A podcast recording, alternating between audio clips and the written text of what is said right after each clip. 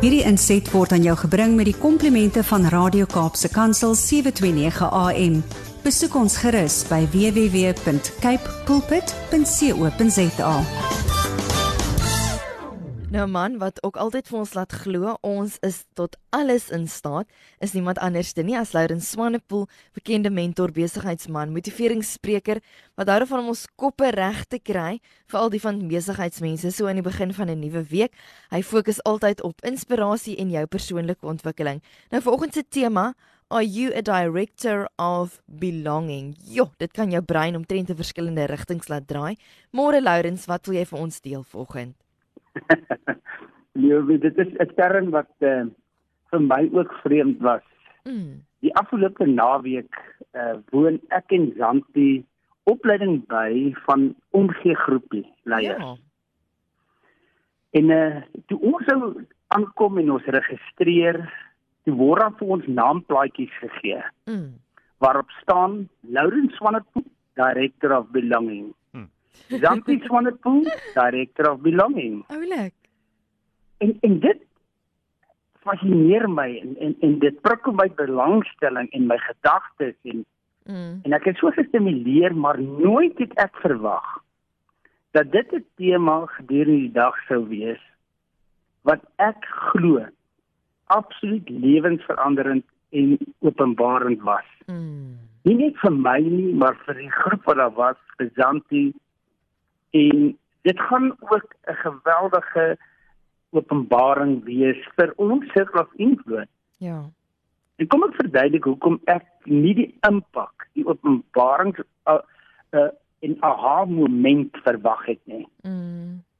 As ek praat van sense of belonging, dan het elke luisteraar, Brad, jy ek en jy lewe my. Het ons 'n idee waaroor gepraat word? Nee, sense of belonging.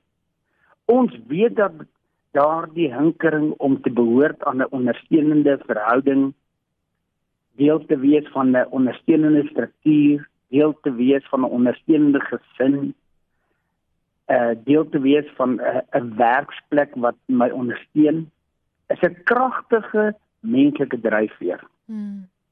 'n Plek wat ek home noem huis noem is so belangrik. En ons weet ook dat veral nou in die tye waar ons nou leef, ons blootgestel word aan hierdie immer kwynende gevoel van 'n sense of belonging. Mm. En dit is besig om ons mentaliteit, ons mentale en fisiese gesondheid te erodeer. Mm. In gedurende opleiding word daar statistiek en navorsing voorgelê wat gedoen is op tersiêre opvoedingsinstellings, universiteite en colleges. En het ek absoluut in verbasing gestaan toe ek die volgende hoor. Diomi, mm. wat dink jy is die vraag wat die meeste Amerikaanse studente vra en die die meeste vrae ag eh, eh, die die meeste vra as die eerste vraag as hulle na studente leiding toe gaan of studente ondersteuning toe gaan of studente begeleiding toe gaan. Vra hulle die vraag ehm um, is dit akademies gemotiveerd? Nee. Vra hulle vra soos hoe moet ek registreer? Nee. Vra hulle vra van hoe moet ek my vakkeuses doen? Nee. Vra hulle wat noem ek my studierigting? Nee. Maar hoor hierso Leonie. Mm. Die eerste vraag wat hulle vra en die vraag wat die meeste gevra word deur alle studente in in Amerikaanse universiteite mm. is hoe maak ek vriende by die universiteit? Sure. Unbelievable dat mm. ons in hierdie tyd van van gekonnekteerd wees met met weet internet. Mm. En nog steeds hierdie vraag het en en hierdie behoefte het. Mm. En hulle vra dit omdat hulle hulpeloos voorkom en hulle weet nie hoe om vriende te maak nie. Mm. En jy weet ons sit met die mees disconnected geslag en generasies nou met ons. Mm. Nou hoor nou mooi, die volgende statistiek wat vir ons voorgelê word, het my keel genuen wou laat trek.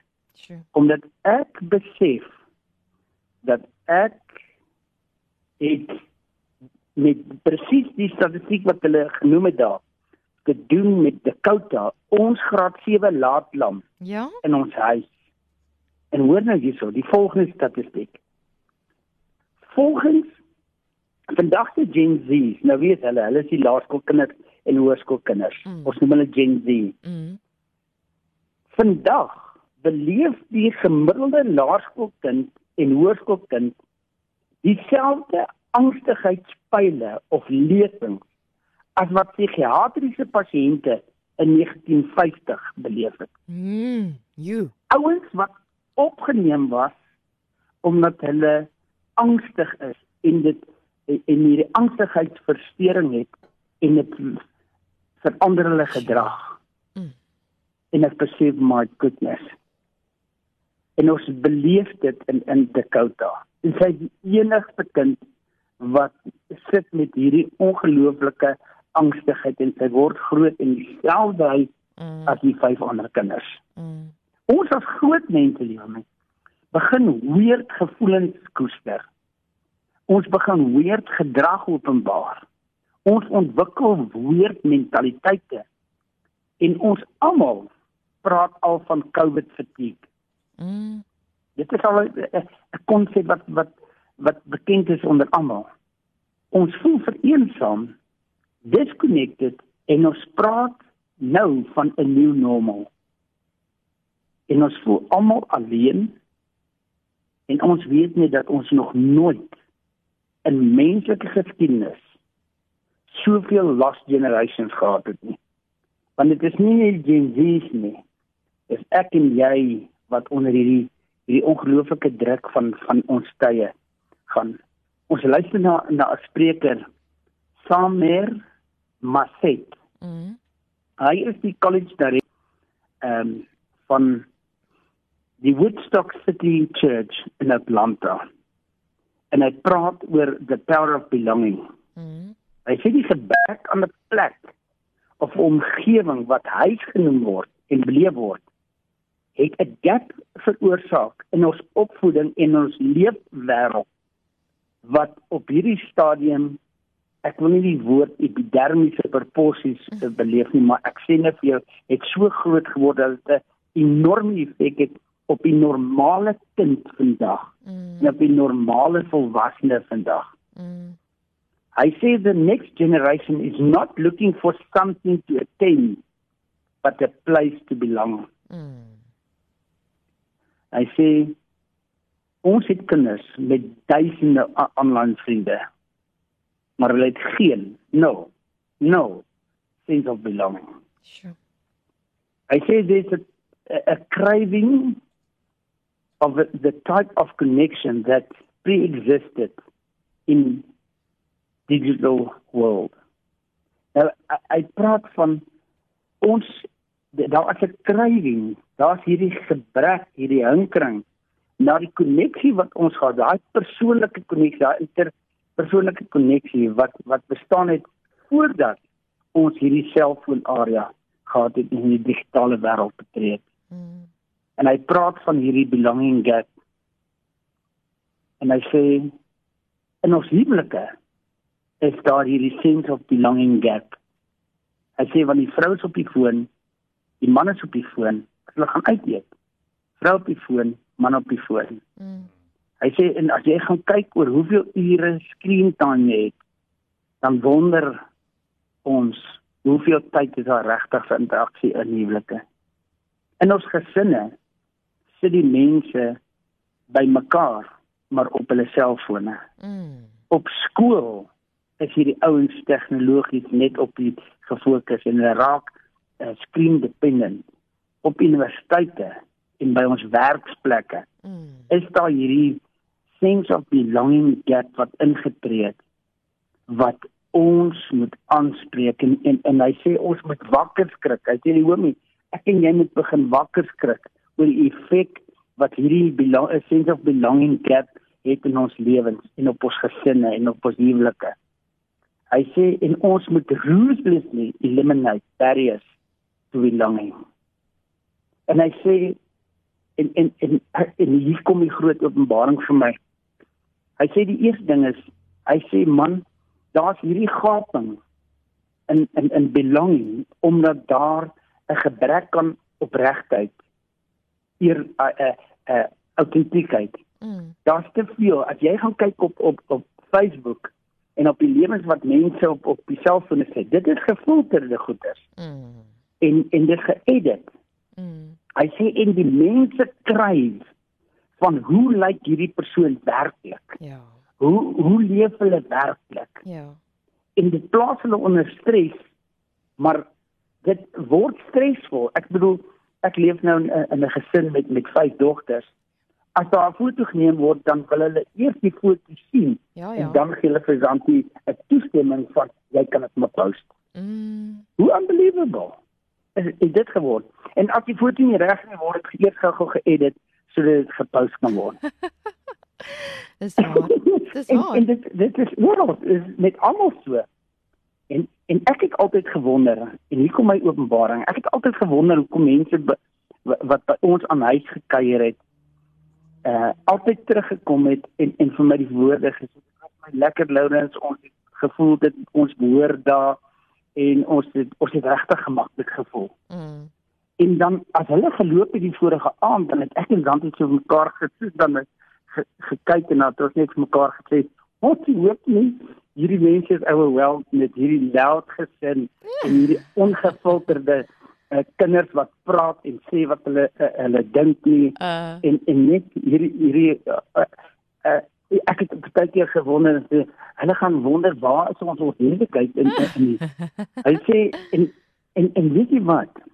Mm. hierdie hierdie ding dat dit daar almal kon sê en weet wie hulle wil en hulle kon aan die gesprek deelneem ongefilterd was absoluut en is die rede waarom mense dit geniet. En ek het nooit geweet hoekom is dit so nie want ek was al altyd bekommerd oor maar wat gebeur as jy weggaan en hulle sê seker vir mekaar hier ons het bomskok mm. maar almal wil weer terugkom hoekom want almal kon net hulle self wees ja is waar ongefilterd ongeëdit die ware jy kon sit en almal was onvoorwaardelik aanvaar mm. soos wat hulle daar sit mm.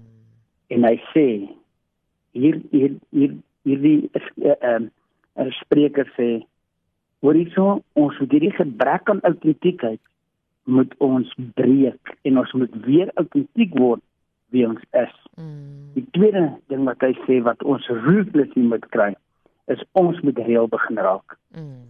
En hy, hy vertel van hierdie on, onvers hierdie ongelooflike belewenis.